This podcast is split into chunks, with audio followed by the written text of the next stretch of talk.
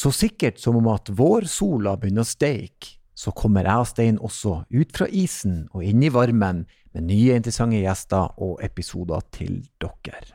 Og her i showrommet til Bertil Steen i Bjørvika så er det alltid rom for nye stemmer og nye historier. Det er det, og dagens gjest debuterte altså i en alder av tre år som båtfører. Ja, og da venninnene dro på russetreff, så kjørte hun rett forbi med matchende båt og bil i rødt. Gjesten gjorde også det kunststykket at hun etter en karaokekveld hoppa av jusstudiene og flytta til Spania. Dagens gjest er ingen andre enn Marit Strømøy, racerbåtfører og sangerinne. Og denne podkasten, Stein, den ble innholdsrik. Ja, her er det bare å hekte seg på og nyte.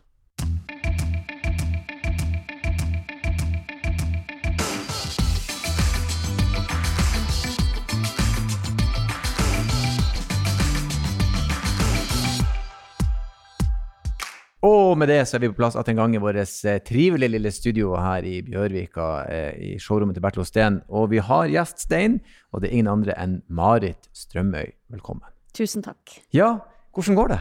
Det går fint. Det Ja. er eh, snart uh, vår og sommer, så det er jo kjempebra.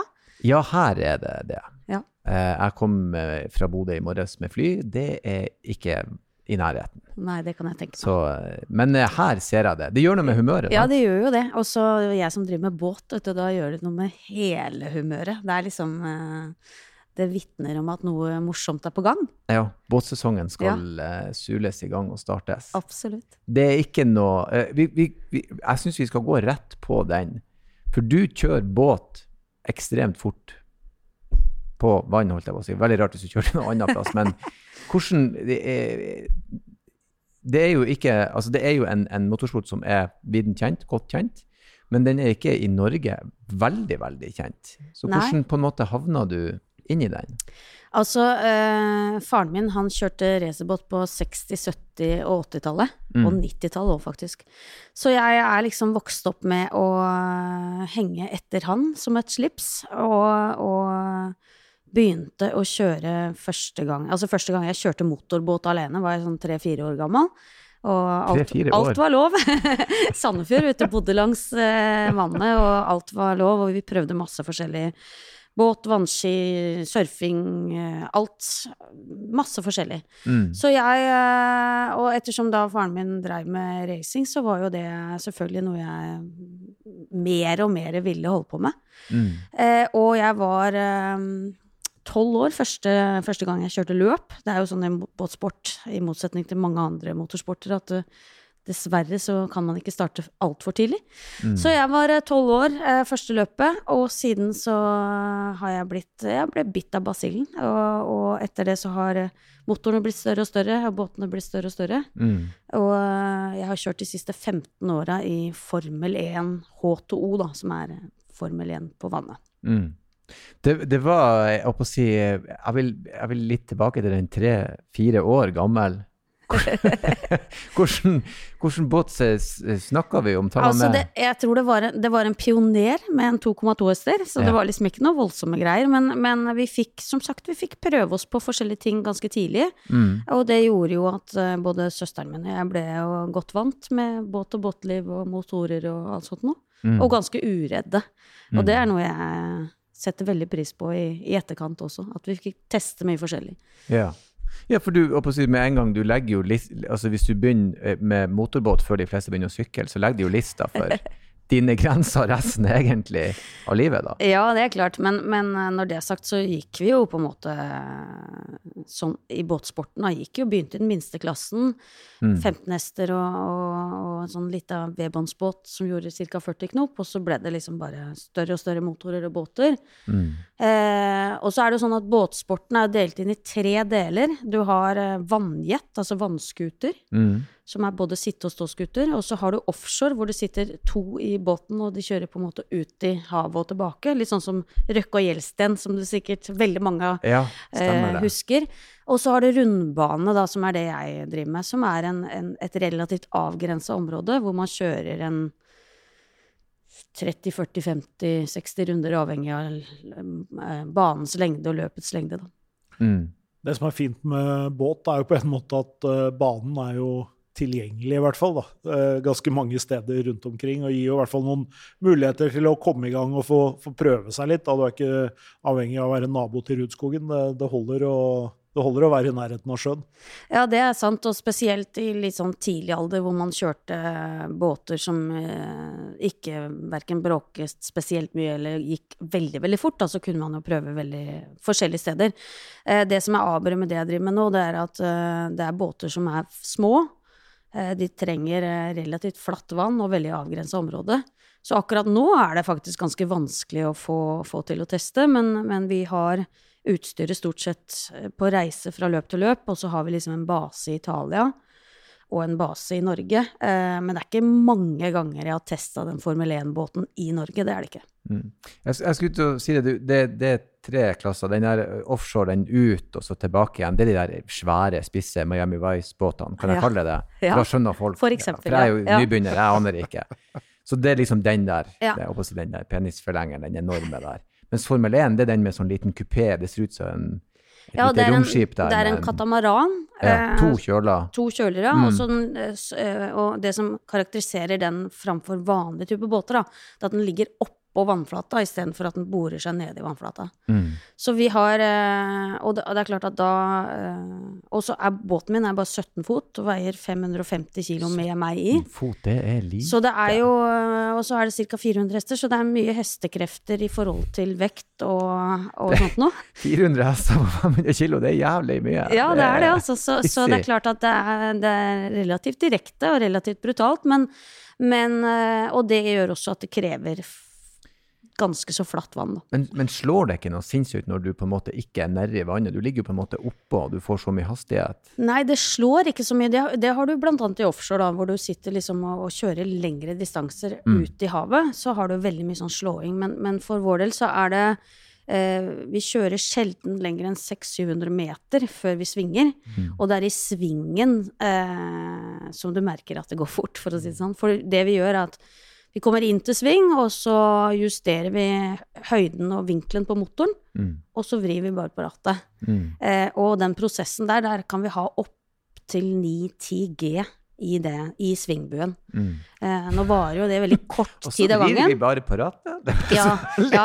Og det er ikke så Altså, det er, det er ganske mange ting som skal liksom klaffe. Eh, og i motsetning til bilsport, så har du da et underlag som er i konstant forandring.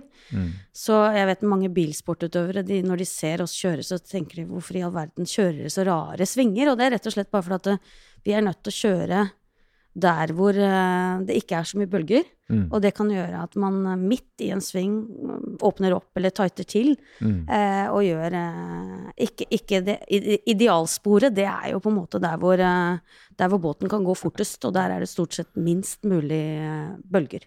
Mm. Men uh, dette her er en uh, ganske Jeg skal ikke si farlig, da, men det er i hvert fall en risikofylt sport. Fordi for det første med de hastighetene, så når du stuper ut i vannet, så er det mykt og deilig og varmt. Men eh, når det skjer noe i de hastighetene her, så kan det være ganske skummelt. Ja, altså vannet er hardt det når du treffer de 200-220 km i timen. Det er det, altså. Eh, og, og jeg har jo Merk dem, det 220. Merk dem, det, Jeg Osnes. syns det er ubehagelig når det er sånn 40 knop. Da syns jeg det går fort på havet. 220 Men, men det er klart at uh, vi sitter jo det, det er jo fordelen eh, fra Jeg nevnte at faren min kjørte på 70-80-tallet. Da var det da var det sånn at når folk gikk rundt, så var det nesten sånn at man regna med at noen definitivt havna på sjukehus, og kanskje til og med måtte bøte med livet. Mm. Men nå er det Vi sitter sikre og sikre. Vi sitter i en såkalt sikkerhetscockpit med hjelm og vest og hans snakkekraver og alt mulig. Så vi sitter sikrere, eh, har tilgang til luft og alt mulig, men det er klart at faremomentet vårt er jo krasje to båter, eller flere for den saks skyld, i f.eks. en sving. Og det at man, eh, man er jo i vannet, så man kan jo bli sittende opp ned under vann. For det jeg har sett mest fra din sport, er når båtene får den der at de skyter rett opp og bare flerres sund. Det ser ekstremt brutalt ut. Du får løft, Ja, rett og slett. og det ser veldig brutalt ut, men faktum er at idet du tar av aleine bakover, så tar liksom vinden og høyden bort mye av eh, hastigheten. Så idet du lander, selv om det går veldig fort, så er det liksom ikke Det, oppføl, det føles ikke så brutalt, da. Okay. Men krasjer du med en annen båt i en sving, og Ja. blir sittende liksom to båter inni hverandre, og en ligger opp ned, f.eks., Mm. da Det er mer eh, uforutsigbart og mye mer brutalt, faktisk. Men du har luft i cockpiten. Ja, jeg har en luftflaske som jeg Ja, kan liksom ta. Dykkeflaske, så du Ja. hiver munnstykket i munnen, og så kan du ha Men det er klart at med en helhjelm og alt sånt, så er ikke det bare bare å gjøre sånt noe. Så hvis du er så bevisst da, at du vet hvordan du skal få til det, så prøver du heller å komme deg ut, for å si det sånn. mm. Så det er, og det er en sånn prosess som vi må, øh, vi må gjennom en test en gang i året, hvor man blir sittende inni en cockpit som går på hodet. Vannet kommer inn med en gang, og så må du sitte der først med luft, og så uten luft. Og vise liksom øh, dykkere og, og organisasjonen at du takler øh, situasjonen. Da. For det er klart at der er det Det kan gå en kule varmt noen ganger.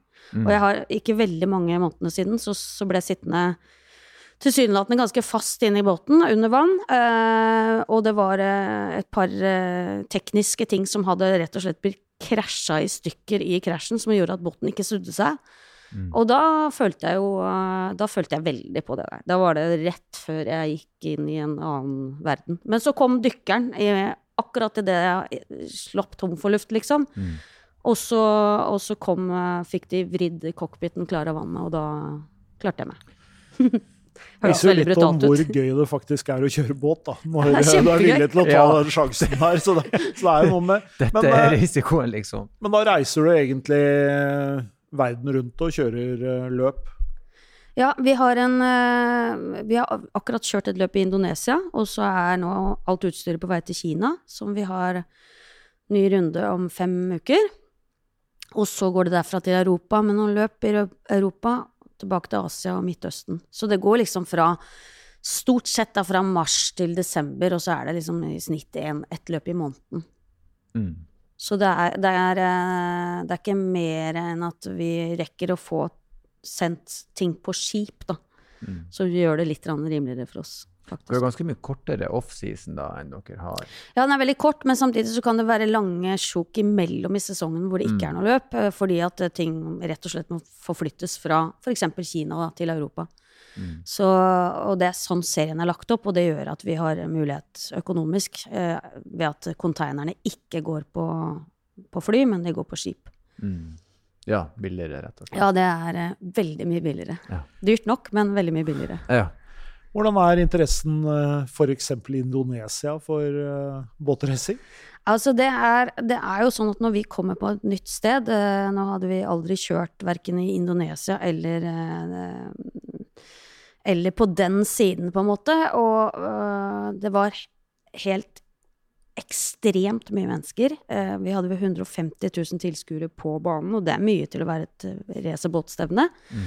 Uh, det er jo en VM-runde i Formel 1, så det er klart at det, det synger jo litt bedre enn mye annet. Men uh, vi hadde jo presidenten av Indonesia satt og så på, så det var liksom men så kan vi jo kjøre f.eks. I, i Midtøsten, eh, hvor det er mye Formel 1 nå, hvor man sliter med å følge opp eh, eh, tribuneplassene, rett og slett fordi det skjer så mye der at eh, det ene slår det andre i hjel.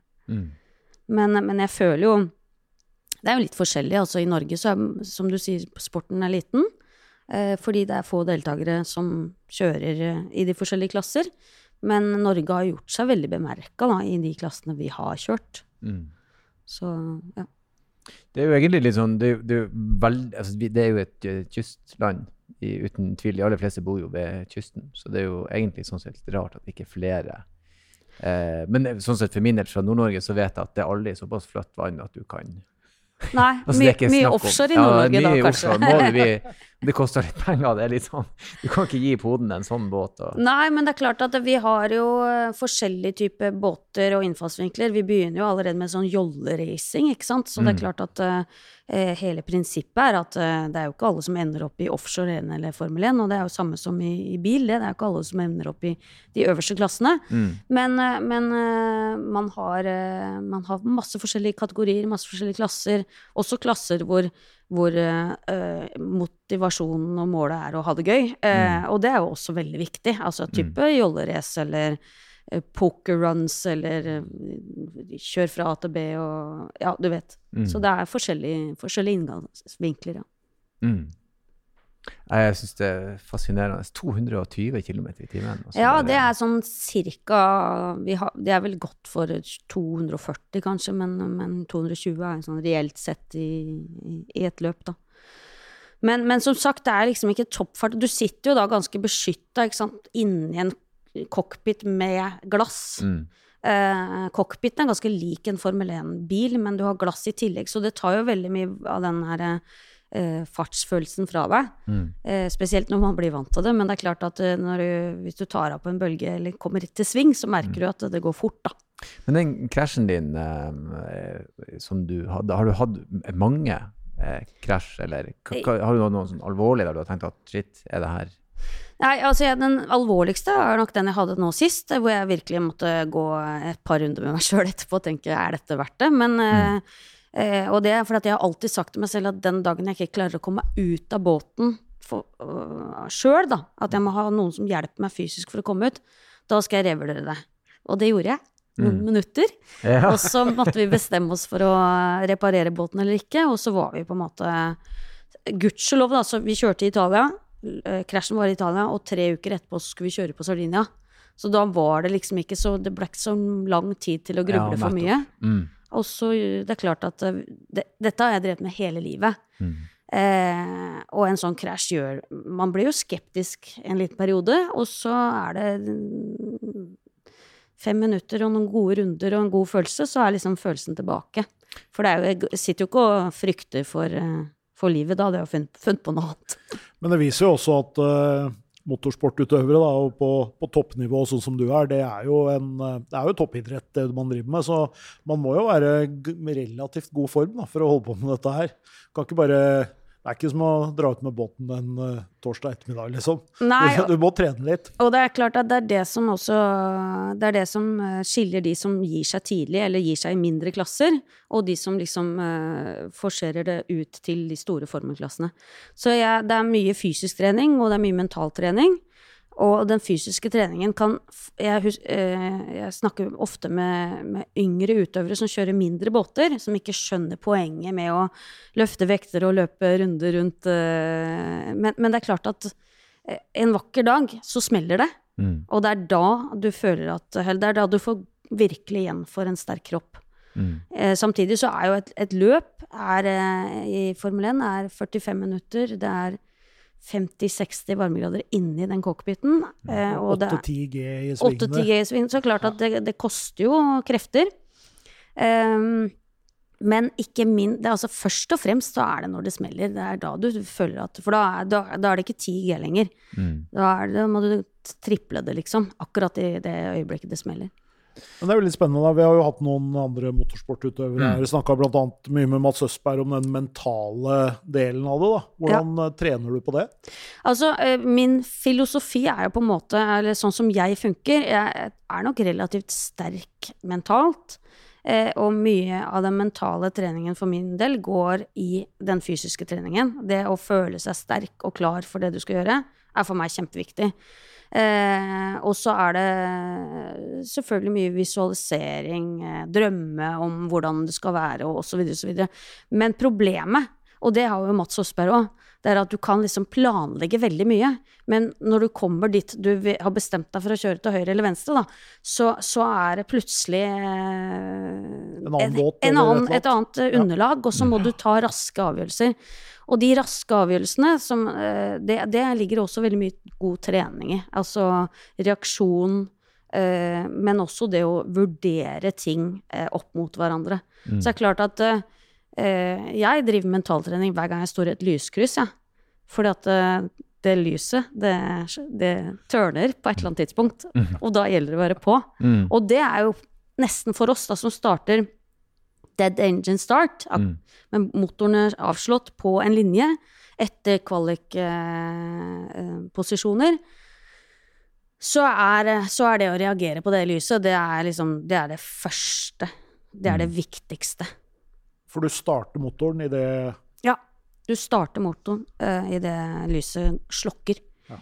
Så det er Men du har ikke hjulspinn, da. Det er start, og så er det rett Det er bra- på det er bra grep. Ja, ja. Hvor, hvor fort snakker vi liksom opp i fra null til 0 til 100 på ca.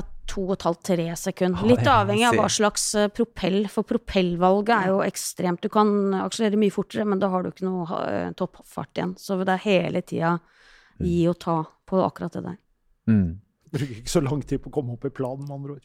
Nei, Det er rett opp. den ligger nesten i planen, den Hvordan, hvordan håndterer du frykten, da? spesielt etter en krasj, der du liksom må gå noen runder? For frykten det har vi, som sagt, som sa, vi har hatt flere eh, racersjåfører her, og de snakker om det med frykten. Den er der, den blir ikke borte, den er der. Hvordan tenker du opp mot det? Altså, jeg tror jeg egentlig er ganske, jeg er ganske lite komplisert som menneske. Jeg er liksom sånn Når ting er uh, gjort, så, så drar jeg over den, eh, det arket, og så er det en ny greie. Mm. Så er det klart at man kan si det å være tøff her i studio og si at det er ingenting som biter på meg, men det er klart at noe biter på, på, på en. Eh, og da må du jo hele tida gjøre en vurdering, da, på om For det er klart at jeg, jeg, å sitte og kjøre med frykt, det er jo det, er jo det dummeste man kan gjøre. Da er det ikke noe poeng å kjøre i det hele tatt. Mm. Så det har jeg liksom vært veldig opptatt av. At det, det skal fortsatt Det viktigste, og det sier jeg veldig ofte til gutta i teamet, som øh, holder på med båt og motoren og alt mulig sånt at det viktigste grunnen til at vi er her og at vi gjør det, det er at vi syns det er kjempe... Altså det er livet, det er det gøyeste jeg veit. De momentene i båten hvor alt funker og alt, alt er bra, det er liksom da, Det er ti av ti, ikke sant?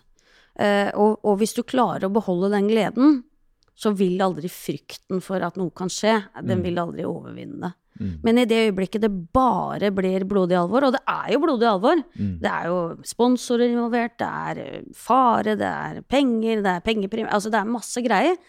Men det viktigste av alt er at jeg gjør jo dette her for jeg syns det er dritgøy. Altså det fins jo ikke noe som er gøyere. Ja, sant. Så det er liksom eh, fundamentet. Mm. Men nå vet vi da hvordan eh, Marit oppfører seg, oppfører seg i lyskryssene. Ja. Så kanskje vi, skal, kanskje vi skal flytte oss ut på veien og prøve å, å finne ut hvordan dette her faktisk funker i praksis. Ja, det, jeg må bare si det, at det er ikke sånn at jeg spinner ut av hvert, men det er altså det å tenke seg at nå, nå går starten, ikke sant? Mm. At man reagerer enten eh, fysisk eller liksom mentalt på et sånt lys som slokker. Mm. Du var tre-fire år når du begynte med båt. Hvor gammel var du når du begynte med bil? Nei, jeg, jeg tror ikke jeg var spesielt Jeg tror ikke jeg var så veldig ung. Jeg kjørte vel eh, øvelseskjørte med faren min, kanskje litt tidligere enn det var lov, men ikke sånn veldig. Mm. Eh, jeg hadde mopedlappen, det var liksom første. Og så var det Jeg var veldig, veldig opptatt av å ha billappen. Her, her må jeg jo stille spørsmål. Altså, er damer med moped er ikke veldig vanlig.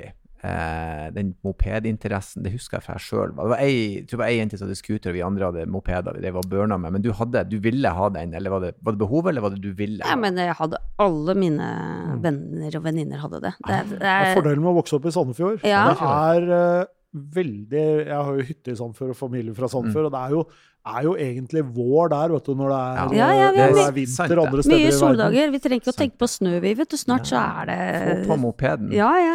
Men- Og, og det var rett og slett praktisk. Jeg hadde masse interesser. Jeg holdt på, spilte basket, kjørte alpint, kjørte ditt, kjørte datt, og ville, ville være så mobil jeg kunne. Mm. Uten å øh, være abre for moren og faren min. Så jeg øh, kom meg rundt med moped, jeg. Hvilken moped hadde du? Honda Camino. Honda Camino. Blodprima. Ja, ja, De It's a husker jeg. De husker. Ja, det var ikke det. Jeg hadde en TSX Suzuki.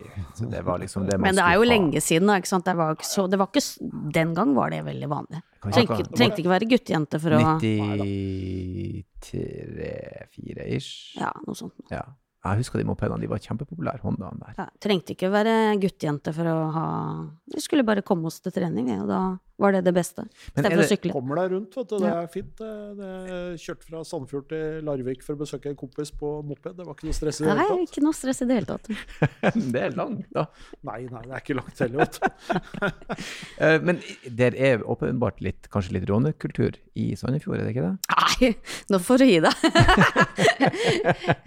nei, det, nei, jeg tror ikke det er noe spesielt rånete. Eh, Faktisk så er det egentlig ganske jålete nede på ja. Vestfoldkysten her. Tønsberg, Sandefjord, Tjøme, Nøtterøy. Det er, Mm. ja, Mye gamle penger. ja, det er det, altså.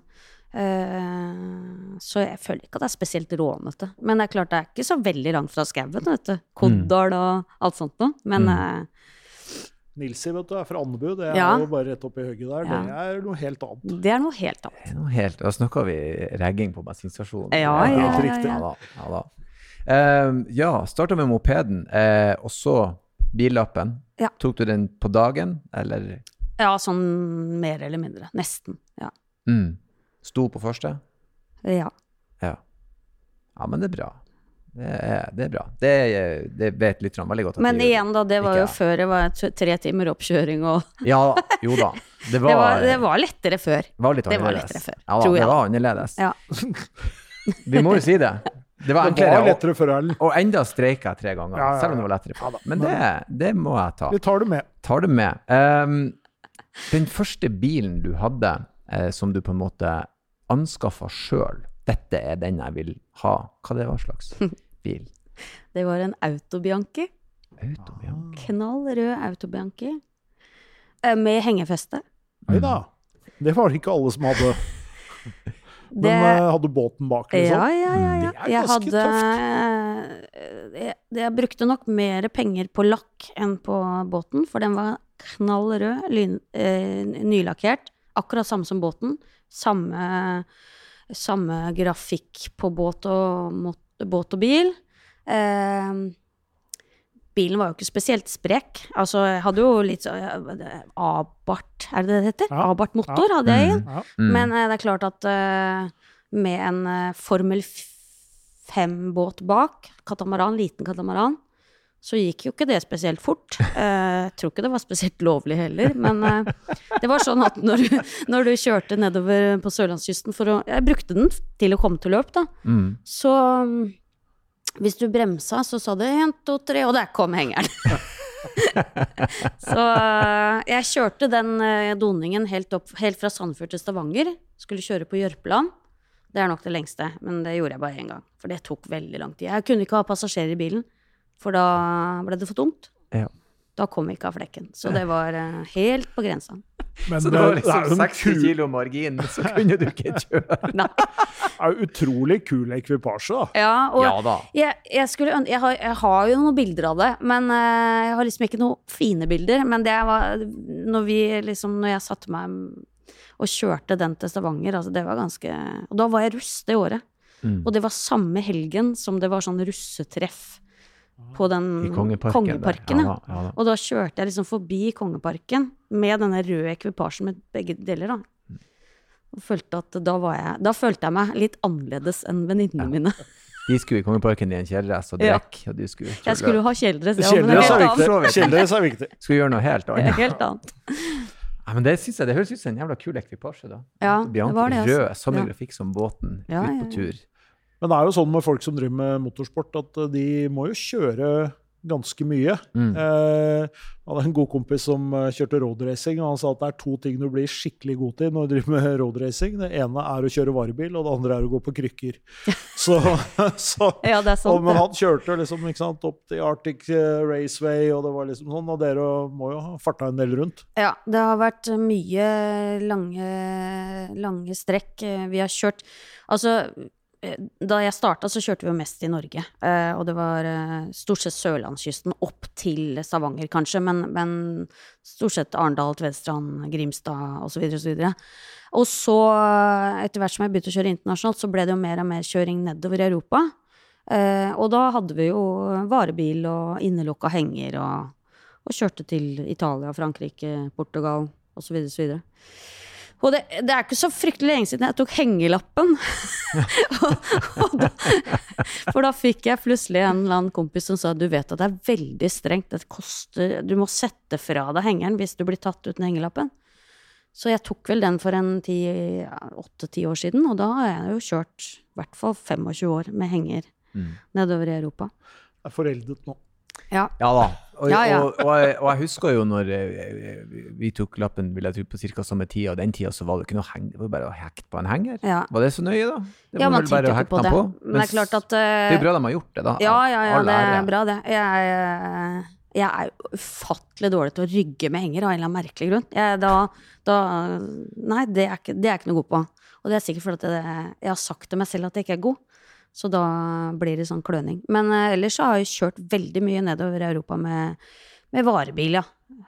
Stor varebil og så henger. Men når rygg med henger er det jo egentlig ingen som er god på, da. Jo. Egentlig. Det- er Det det er jo noen som det er er det. som Jo, men- Mannen min er helt rå, så jeg bare, da er- bare overtar vi. Da Dess, bytter vi. dess større henger, dess enklere er det. Ja. Det verste er den lille lille, den- dritthengeren. den- Litt utslag, og så åh, Ja. på tverra. Begynn på nytt igjen. Ja. Ja. Nesten bedre å ta den av. Ja, ta av, så skyv inn. Ja. Er ferdig. Sånn liten tullete Ja. hagehenger. Du får aldri til.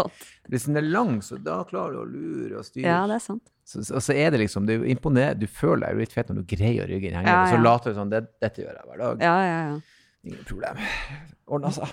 Men når du er såpass eh, mye i bilen, da, sikkert også fortsatt, hvordan ser det ut i bilen din? Hvordan det ser ut? Ja, er, det, er det ryddig? Er det, er, det, er, det sånn, er det en andre bod, eller er det Nei, det er sånn passe. Eh, Det er ikke sånn at det ligger en halv båtmotor i baksetet, nei, liksom? men jeg har, eh, jeg har eh, alltid noe gadget baki som vi, driver, vi driver og selger liksom merchandise og sånt, så jeg har alltid sånn lager og sånne ting. Men jeg prøver å holde det relativt ryddig, da. Eh, men så må jeg ta noen skippertak innimellom hvis jeg har kjørt langt og vært stoppa og drukket kaffe og, osv., så videre, så videre, så må jeg ta et skippertak. Men jeg prøver å holde det ryddig. Mm. Hvor Ofte vasker du bilen sånn utvendig, da. Holder den shiny og fin. Eh, ja, burde kanskje holdt litt eh, Kanskje hver en gang i måneden. Ja, det er ikke dårlig, det.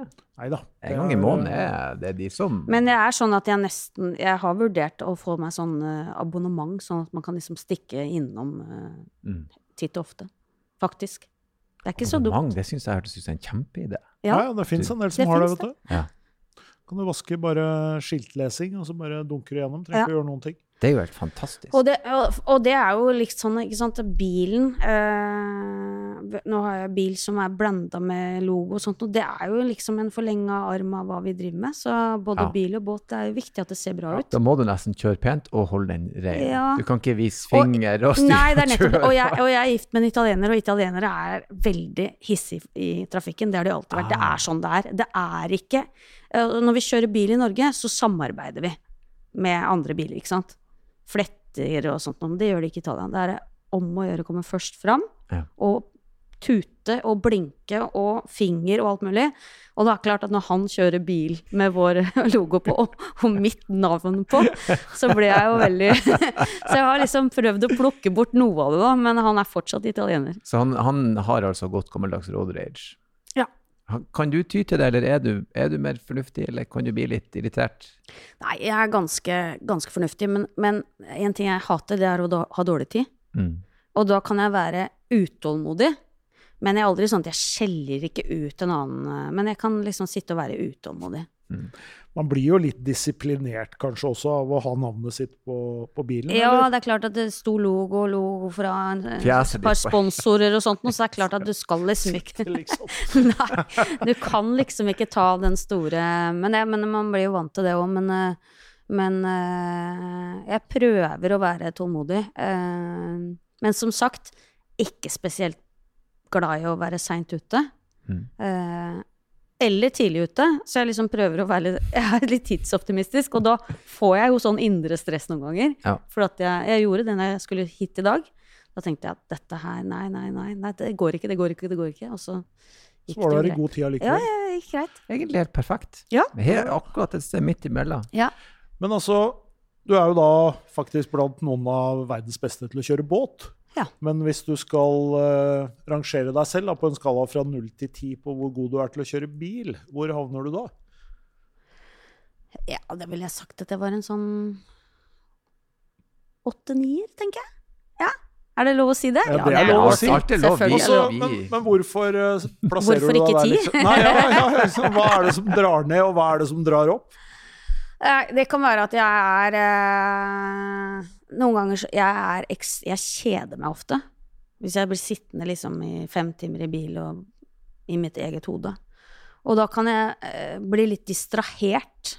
Mm. Og jeg følger jo selvfølgelig med, det er ikke det, men jeg, eh, og da kan jeg liksom sitte og surre og kjøre litt Nei, jeg vet ikke. Det er liksom ikke Jeg føler ikke Noen ganger så føler jeg at jeg må ta meg sjøl i å være konsentrert. For det er klart at uh, det spiller ingen rolle hvor fort eller sakte du kjører, eller hvor du kjører. Det kan jo skje noe det, likevel. allikevel. det er ingen som har sagt det du sier nå, men sånn der Jeg kjente meg så igjen i det, for noen ganger når jeg parkerer utenfor huset, så kan jeg tenke Hvem i faen kjørte bilen hjem? Ja, ikke sant? Ja.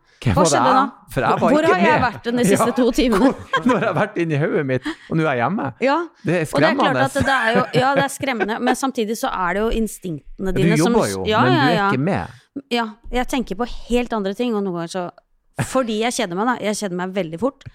eh, Sånn generelt sett, så kan jeg liksom sitte og høre på en lydbok eller eh, et eller annet, en podkast eksempel, Mm, og så mm. plutselig så er jeg hjemme. Mm. Det er litt da, ubehagelig. da, hvis jeg da det. tenker meg tilbake, så kan jeg tenke Hvor fort kjørte du egentlig nå, Marit? Vær med, egentlig. Ja. Med? Kjørte bare. Men, men når det er sagt, da, bank i bordet, så har, har bilkjøringa mi gjennom de åra jeg har hatt lappen, som begynner å bli mange år nå, har gått veldig bra. Så, så ingen store krasj med bil, og ingen skremmende, Nei, spennende ting? Helt OK? Litt småkrasjing har jeg alltid hatt, men det var aldri min feil, selvfølgelig. Akkurat som båt, aldri min feil. Ja, da, bare sånn små bulking og sånn. Ja, ja, ja. Aldri motorsportutøvere gjør Nei, aldri feil. Nei, det skal jeg love deg. Det vil du er- aldri få oss til å innrømme. Nei. Men du har jo- Antageligvis i båtsport så er det sånn at det er Trottleman sin feil. Når det, Ja, vi sitter jo aleine, så Ja, det kan men jeg ikke skylde tenker på. sånn for de som kjører to, så Ja. ja. Men du har jo en båtinteresse. Hvordan er egentlig bilinteressen? Hva, hva er det som får deg til å Oi, det var, det var en bil. altså, øh, jeg er jo øh, Jeg er jo driver med motorsport, er opptatt av fart og akselerasjon og alt sånt noe. Samtidig så er jeg litt jålete òg, mm. som person. Alltid vært. Eh, så jeg vil liksom at det skal se bra ut, og riktig farge og så videre og så videre. Eh, og så er jeg jo også veldig altså, tvunget til å være veldig praktisk, for jeg skal alltid ha med meg masse. Så, så det er klart at uh, jeg har hatt veldig mye forskjellig Jeg har hatt mange biler. Mm. Eh, jeg har aldri brukt mye penger på bil, men jeg har hatt mange forskjellige biler. Bare én av gangen, stort sett, da. Men, men, men, eh, men eh, de er veldig forskjellige. Noen så har liksom hatt en varebil, da, ikke sant. Eh, som kanskje ikke var så ryddig inni. Og så har du plutselig en fin bil som du er opptatt av å holde rein og fin og alt mulig rart. Så, så jeg har nok alltid vært opptatt av bil. Eh, men eh, noen ganger så tenker jeg sånn at eh, det praktiske har liksom Mm. har tatt fra meg, eh, og ikke minst økonomisk, da, tatt Mm. fra meg ønsket om å Eller muligheten til å Ja, altså lidenskapen for båten og det praktiske kommer foran Ja, den feite bilen du eventuelt Ja, for jeg må liksom komme meg på det løpet, og da må jeg ha en bil som kan Hvor Mm. jeg kan komme meg Kan dit. ikke ha noen sportsbil. Eh, Nei. Ikke får som, ikke med deg en propell og ikke deler som eneste bil, i hvert fall. Nei. Nei. Da må det bli mer. Men jeg har hatt, eh, jeg har hatt uh, Autobianchi, Morris Mini, eh, og jeg har hatt én eh, sportsbil. Eh, men eh, det var ikke spesielt praktisk, nei. Da Mm. måtte jeg liksom Jeg husker jeg, måtte, jeg hadde sånn eh, Morris Mini hvor jeg måtte ta av taket for å få kofferten oppi, liksom. Det er klart at Det var kjempekul bil, men eh, det, det funker jo ikke. Nei, det går ikke. Nei. Og da hadde, vi, da hadde vi en varebil i tillegg som vi kunne liksom Men la oss sjekke, da. Vi har jo, vi har jo drømmebilscenario her i podkasten. Der vi ser for deg at du, eh, du fyller ut kupongen, og du banker inn eurojackpoten på fredag, og 971 millioner triller rett inn på konto. Altså, penger er ikke engang en option. Du kan velge fritt hvilke bil, eller du kan gå for inntil tre biler. Oi. Hva går du for da, når penger er ingen option? Kan jeg ha tre samtidig? mm, det kan du. Nei, altså, eh, hvis jeg hadde hatt eh, på en måte alle muligheter i verden, så ville jeg definitivt eh, jåla i meg ville hatt en sportsbil. Eh, nå er jo det Altså, du kan jo få masse forskjellige sportsbiler, og eh, ettersom jeg ikke har aldri hatt muligheten til å kjøpe det jeg ønsker meg, så har jeg heller aldri satt meg veldig veldig mye inn i hva slags eh, dyr sportsbil jeg ville hatt. Mm. Men en, en, en, en bil som for eksempel en Porsche Mm. liten Por- eh, 911, eller sånn som liksom fine linjer, Mm. kul, liten. Jeg er jo 1,6 under 1,60 høy, så jeg trenger liksom ikke noe store greier. Mm. Det er, det er absolutt uh, en drømmebil. Mm. Men så ville jeg jo i tillegg hatt noe som er litt praktisk og stort. eh, og jeg syns det kuleste er jo når du har eh, liksom en, en blond lita jente, så, eller dame, gammel da, jeg er gammel da, som liksom hopper ut av en svær Dodge eh, et eller annet. Det er også kult. Mm. Så det måtte jo vært noe sånn en pickup av noe slag, eh, for eksempel, da. Mm. Og hvis jeg, du sa jeg kunne ha tre, da ville jeg hatt en stor SUV i tillegg. Som jeg kan fly opp til et eller annet uh, skisted med bilen full av ski og kjøre ski og firehjulstrekk og full pakke. Veldig praktisk tilnærming. Og så liker jeg at du, du er sånn Jeg har aldri hatt råd, så jeg ikke gidder engang å tenke Nei, nei, det er noe med det. Altså, det er liksom Det er ikke noe sånn- vits i å drømme om en Lamborghini når du vet at du aldri får den. Mm. Uh, du, du var ikke helt enig med meg, du der? Jo, jo, jo, men jeg, jo, men jeg, skjønner, jeg skjønner veldig godt hvor du tenker. Og så er det litt sånn at eh, det finnes så mange alternativer der ute. Ja, nå gjør det det. Ja, Før så var det liksom da, nå, Jeg er sikker på Hvis du hadde spurt et spørsmål for 30 år siden, så hadde alle sagt Porsche. Mm. For det var det men, men, og, og da er jeg kanskje litt gammeldags og sier det. Det er sikkert masse fine Lamborghinier og Shelbyer og alt mulig, men, men det er i hvert fall en bil jeg liker. Jeg syns er fin, da. Fine linjer og Disse bilene er også blitt mer vanlig i Norge de siste årene. Før, hvis du så en sportsbil for ja, 20-30 år, det var jo eksotisk. Ja, Men ja, så- Jeg var i Stavanger for noen uker siden, det rulla så mye eksotisk. Det kom til og med to Rolls-Roycer med 500 mellomrom. Jeg bare Jesus, hva det er som foregår? Ja. For det er blitt mer penger, og folk eh, også, det er blitt vanlig å bruke så mye penger på bil. Det var det strengt tatt ikke før. Og folk er ikke så opptatt av hva naboen sier lenger. Gudskjelov. Eh, og- men vi, vi kjører jo veldig mye i Midtøsten, og der ser vi jo mye sportsbiler. Mm. Eh, og der er det jo sånn at, eh, som alt annet i Midtøsten, at det ene er heftigere enn det andre. Så det bare overskygger. Så uansett hva du kommer med der, så er det noen som har noe heftigere. Mm. Du har aldri den kuleste uansett. Nei, det er, det er jo noe med det. Hvis du bygger en, eh, verdens høyeste tårn, så kommer nabobyen og bygger enda høyere. Fem centimeter høyere. Ja, akkurat sånn som det skal være. Men du bruker jo bilen din selvfølgelig til, eh, til båtsport, da, men du driver jo med litt andre ting òg, så jeg regner med du kjører litt bil ellers også. Hva, er liksom, hva, er det, hva er det bruker du bilen til til daglig, liksom? Sånn hver dag? Uh, nei, uh, nå kjører vi jo stort sett båtsport med en container som fraktes fra sted til sted, så, så, så det er sjelden jeg på en måte hekter båten på, på bilen og kjører til eh, Italia og kjører båt. Men, men jeg bruker jo bilen veldig mye sånn hver dag til, eh, fi- til og fra trening, til og fra til Oslo tilbake, hente noen sponsormøter hit og dit. Altså eh, spillejobb, jeg synger jo. Altså, spillejobb i, på Ja, Gardermoen. det, det tenkte jeg vi òg skulle Ja. snei innom. For den der eh, eh, racerbåtsjåfør, pilot, skråstrek, sanger, er jo en Ja, det er Er det flere som gjør det? Ikke som jeg veit om. ikke som jeg vet jeg Det er en gøy kombo. Hvordan, hvordan kom det til? Er dere også en musikalsk familie? Ja, veldig. Mm. Eh, så eh, familien min var veldig jazzinteressert, eller har alltid vært veldig jazzinteressert. Og det er noe med jazzmusikk som gjør at du, hvis du lærer deg det tidlig, så lærer du mye musikk. Mm. Nå er ikke jazz det jeg holder på med hele tida, men, men, eh, men det var det som på en måte eh, var på platespilleren hjemme da jeg var, litt, da jeg var liten. Mm. Eh, og så har vi liksom jeg, jeg hadde min første spillejobb, da, altså min første profesjonelle jobb i 97, og siden har jeg jobba som eh, musiker eller sanger, da. Mm. Um, og det, det, det ble egentlig veldig tilfeldig, fordi jeg etter, etter gymnaset så flytta jeg til Oslo, og skulle studere juss. Og gikk på universitetet eh, noen måneder, og så var vi ute Det her er en veldig morsom historie. Så var vi ute på en eh, sånn kollokviegruppe, var ute på en pub. Mm. Og det var en sånn open mic. Mm. Så hvem som helst kunne gå opp og synge, og vi var jo godt nede i noe eh, hvitvin, eller hva det nå enn var vi, var, vi drakk. Og så plutselig så sto jeg på den scenen og sang, da, og det var jo kjempegøy. Ja. Eh, og jeg hadde jo drevet mye med musikk, jeg hadde spilt i band og så videre, så videre. Og så fikk jeg jaggu meg en jobbforespørsel. Eh, om en jobb på et hotell, en hotellkjede i Spania. Jobben starta om tre uker, ja eller nei. Ja. Og så hoppa jeg av jusstudiene. Ja. Flytta til Spania. Ja. Blei det et år. Og siden så har jeg jobba som musiker.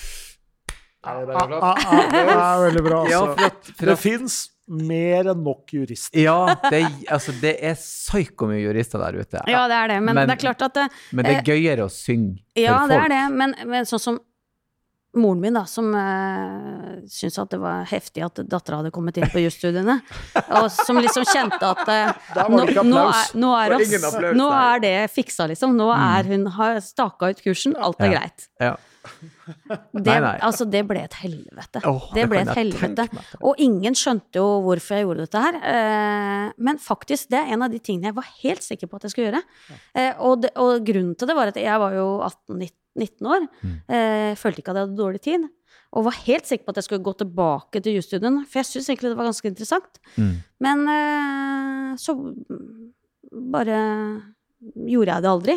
Eh, men det er jo klart det er mange stunder eh, når du jobber som frilansmusiker, så er ikke det noe heftig, verken tidsmessig eller økonomisk til tider. Så er det klart at eh, og mange av de jeg var på denne puben med, de er jo jurister i dag. men, eh, men det er noe med Helt tilfeldig ble det. Men du har bedre historier enn de. Ja, det Det må man ha. Altså, men jeg, jeg, blir- jeg syns jo bare når man følger det, som, følger det som gjør deg glad Dette har jeg lyst til å gjøre, ja, da er det det jeg gjør. Ja. Men jeg skjønner jo for så vidt det, og man eh, tenker jo sikkert sånn hvis eh, hvis eh, barnet ditt, da, eller Mm. ungdommen din, kommer tilbake og sier at du, jeg skal flytte til Spania og synge, jeg. Mm. Rett etter at du har kommet inn på jusstudiet, så kan jeg jo skjønne at det er en belastning for foreldre, ja. Ja, det var Særlig hvis du har rota bort mye av ungdomstida på å kjøre båt i tillegg. Så er det sånn Endelig, liksom, så Ja, går dette riktig vei. Ja, det der var litt krise, altså. Og jeg skjønner jo det i etterkant. Altså, eh, jeg turte jo ikke å si Faren min var en type som var mye lettere å så breake sånne nyheter til. Mm. Så jeg liksom gikk den veien først, da. Mm. Moderen er ekstremt spes eh, bestemt dame. Mm. Så jeg turte liksom ikke å gå direkte på henne, men hun ble altså så sint at uh, Men jeg dro. Jeg hadde bare tre, det var jo tre uker, så jeg bare dro. og det var veldig gøy. Og jeg mener um, Livet mitt er jo ufattelig uforutsigbart. Både praktisk, tidsmessig, økonomisk, alt mulig rart. Men jeg har aldri, kunne aldri ha drømt om uh, og ikke sagt ja på det. Mm. Men tenk også å få lov til å leve livet med at du leker, du kjører båt og du synger. Det er to ting som er veldig veldig gøy, og som gir mye. Ja. Det fins folk som Tenk deg når det er jurist så er sånn Å ja, en fyr som skal sette opp et gjerde, ja. Da er det granneloven. og så er det liksom seks skjema som skal fylles ut på vegne av vedkommende. Du dør jo litt innvendig, sant. Det er jo ikke gøy. Så tenker jeg det er jo en sånn eh, Altså, alle, alle ting man driver med, har jo en del eh, implikasjoner som gjør Du har jo lært deg å jobbe med sponsorer, hvordan du skal Mm. håndtere det. Du har fiksa jobber, du har eh, organisert det praktiske. Altså, man får jo en mye breiere og helt annen type kompetanse som du garantert kommer til å få bruk for uh, uansett hva du skal drive med framover. Da. Ja, men når det er sagt, så er jeg veldig glad for at jeg på en måte Altså, for å komme inn på jusstudiet, så måtte jeg jo jobbe på skolen. Eh, eh, og det er klart at det er veldig mye av det jeg driver med, eh, spesielt for hvis du tar 20 år tilbake i tid, da, eh, hvor, eh, hvor jeg er glad for at jeg hadde liksom et fundament hvor jeg visste at to pluss to var fire, og at eh, jeg visste hvordan jeg skulle skrive en kontrakt. Mm. Fordi eh, faktum er at når du driver med racerbåtkjøring og du synger, er frilans, musiker, er sanger, så, så må du på en måte være din egen coach, din egen pådriver, din egen eh, motivator, markedsfører, regnskapsfører osv. osv. Litt jurist. Ja, litt jurist, men jeg, det er et par ganger jeg har tydd til de venninnene mine. Og da er jeg veldig glad for at det er noen som har mer greie på det enn meg. Men det er klart at du er nødt til å ha huet på rette stedet, hvis ikke så hadde, hadde ikke jeg klart det. Og jeg har jo øh, Det er jo en flust av folk både innenfor øh, musikkverden og, og, og i motorsportverden som, som har gått sko av seg på grunn av at de ikke har mm. skjønt at to pluss to er fire, da, Mm. for å si det sånn. Eller ja, liksom at optimismen, altså ønsket om å kjøre, eh, overvinner på en måte fornuften. Eh, for på et eller annet tidspunkt så er du nødt til å Mm. ha fundamentet eh, i f.eks. økonomi, da, Mm. som veldig mange ikke har. Jeg lurer på en ting. Det, er, altså, det å være sanger, der er det jo jeg vil tro det er 50-50 både menn og damer, men motorsporten er jo et mannsdominert miljø. Eh, og, du sa du er ei lita, blond dame. Hvordan, hvordan er det å komme inn der, eh, i det miljøet der? Hvordan Nei, altså det en er jo vært? For å spole litt tilbake, altså da jeg var liksom 13 år og begynte med dette, så var det ingen som I hvert fall ikke jeg tenkte ikke om om man var gutt eller jente, eller om man var eh, stor eller liten eller et eller annet. Det, det skulle bare ha det gøy. Eh, alt handla om å ha det gøy. Eh, og etter hvert som eh, jeg begynte å kjøre mer og mer internasjonalt, så merka jo jeg det at dette her var, faktisk var veldig spesielt. For jeg har stort sett alltid vært den eneste kvinnelige deltakeren i det jeg har kjørt, da, mer eller mindre. Mm. Og visse steder, sånn som når vi var i Indonesia nå, så er det liksom helt De, de tror ikke det de ser. Mm. Eh, I Midtøsten så kan det jo, har det jo vært et problem til tider, ikke sant. Eh, og, og nedover i Europa så er det jo også annerledes enn det det er her oppe i, i Norden. Jeg tror vi er veldig eh, Selv om vi snakker likestilling, og mange mener at det ikke har kommet spesielt langt her heller. Eh, og det har det kanskje ikke på alle områder, men, men eh, jeg føler meg jo ekstremt privilegert som, som har fått lov til å liksom utfolde meg, da, uten å tenke på at, eh, at kjønn er en begrensning. Mm. Så jeg syns jo at um, Men det er klart det er kjempespesielt. Altså når du kommer til, ja, til Dubai og skal kjøre mot arabere, så, så er liksom uh, Det er ikke det at uh, her, i, her oppe så er det kanskje flaut å bli slått av en jente i en mannsdominert idrettsgren. Men kommer du nedover, så er det liksom mer Det er ikke flaut. Det går på, det går på helt andre ting. Religiøse, politiske Altså, det skal ikke skje. Mm. Eh, men det er klart, nå har jo jeg kjørt så mange år at de er jo, de er jo, det er jo sånn det er. Jeg er der, eh, og de blir ikke kvitt meg. så, så jeg føler jo absolutt at jeg har respekt. Men det er klart at hvis jeg skal jeg, jeg må jo sette meg i respekt for å få respekt. Eh, og sette seg i respekt, det får du ved gode resultater og en god holdning. Mm. Eh, så jeg tror at eh, jeg har måttet overbevise kanskje litt mer da, enn mine mannlige konkurrenter. Mm. Også vis-à-vis konkurrentene, men også vis-à-vis f.eks. mekanikere. Jeg har hatt mekanikere fra egentlig hele verden, og hvis jeg da kommer og sier at uh, det, er, det og det er gærent, så, så jeg, kan jeg ikke ha en diskusjon hvor de liksom mener at jeg har feil fordi at jeg ikke har greie på det. For det er den naturlige tankegangen å ha hvis du er fra f.eks. Italia, da. Mm. Eh, at det kommer en dame og sier eh, It's a problem with the, the injector. Så bare Det kan ikke du noe om. Hvorfor Ja. sier du det til meg? Ja. Og det, så det har gått igjennom noen mekanikere som vi rett og slett bare f- måttet sparke fordi de ikke har hatt den respekten. Mm. Eh, så, men, men eh, ja, Kjørt går. båt siden hun var tre år, så litt erfaring eh, tar man jo med seg. Det er også, jeg syns men det er litt kult at du er sånn eh, Du er ikke enig? Nei, men nå er jo jeg sjefen din, så da må Ja, du. Da kan du dra. Fordi at, så henter vi inn det verste altså Det er ikke sånn at jeg alltid har rett, og det er virkelig viktig. Altså, men det er klart, når man sitter i båten, mm. Så er det jeg som sitter altså du kan, Vi har jo datamaskiner som, som kan vise deg alle mulige parameter, men så kommer du til en eller annen feeling, ikke sant, og den må du på en måte være Du må ha kunnskap nok til å fortelle den, kunne gjenfortelle den til andre. Eh, samme som hvis jeg skal lydsjekke, da. Jeg er ikke noen lydtekniker. Men jeg må si til lydteknikeren jeg liker ikke lyden for at bla, bla, bla, bla. Mm. Eh, og på en eller annen måte så må du om du kan det teoretisk eller ikke, så må du liksom gjøre deg forstått, da, ikke sant. Mm. Eh, så jeg tror det er veldig viktig å sette seg godt inn i det. Så er det et godt eksempel da, på at uh, kvinner og menn godt kan konkurrere mot hverandre i, med likt utstyr i utgangspunktet. Mm. At det ikke er noen noe grunn til at uh, det skal være Vi kommer jo akkurat fra ei helg hvor det har vært skiflyvning med, Ja. med damer for første gang. Og en del av de argumentene som du hører der, hvis du går ti år tilbake du, du tror jo ikke at noen har sagt det på TV, liksom. Så, så det skjer jo nå, og da er det jo viktig da, at det finnes noen eh, forbilder som kan eh, vise at dette er faktisk fullt mulig. Det er ingen grunn til at ikke man skal kunne konkurrere på like vilkår.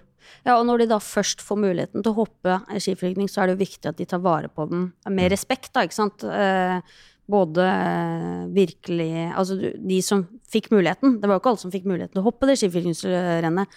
Eh, og det er jo ikke noe kulere enn at de klinker til med hopp over 200 meter, liksom, bare for å vise at dette her er faktisk mulig. Um, Og, og det er den beste måten å sette seg respekt på. Du kan skrike på alle mulige barrikader, men, men klarer å levere like bra, eller nesten like bra, eller kanskje enda bedre, Mm. så er det liksom det aller beste argumentet. Det kan ingen slå. Mm. Det var fine ord.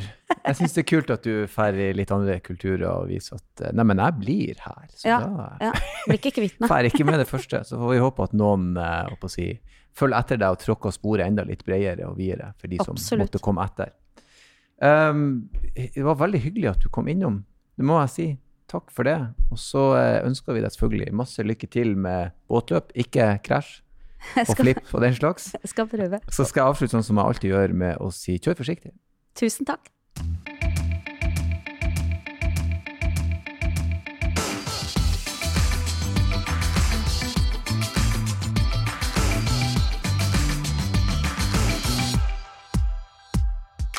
Hei, hei, hei, stopp! Det er ikke ferdig ennå, ikke skru av. Det er bare jeg som hiver meg på og ber dere om følgende. Hvis dere vil ha gjester, hvis dere vil komme med kommentarer, hvis dere har spørsmål, bruk endelig vår e-postadresse som er bakrattet at bos.no, bakrattet at bos.no. Ta kontakt, og ikke glem å kjøre forsiktig.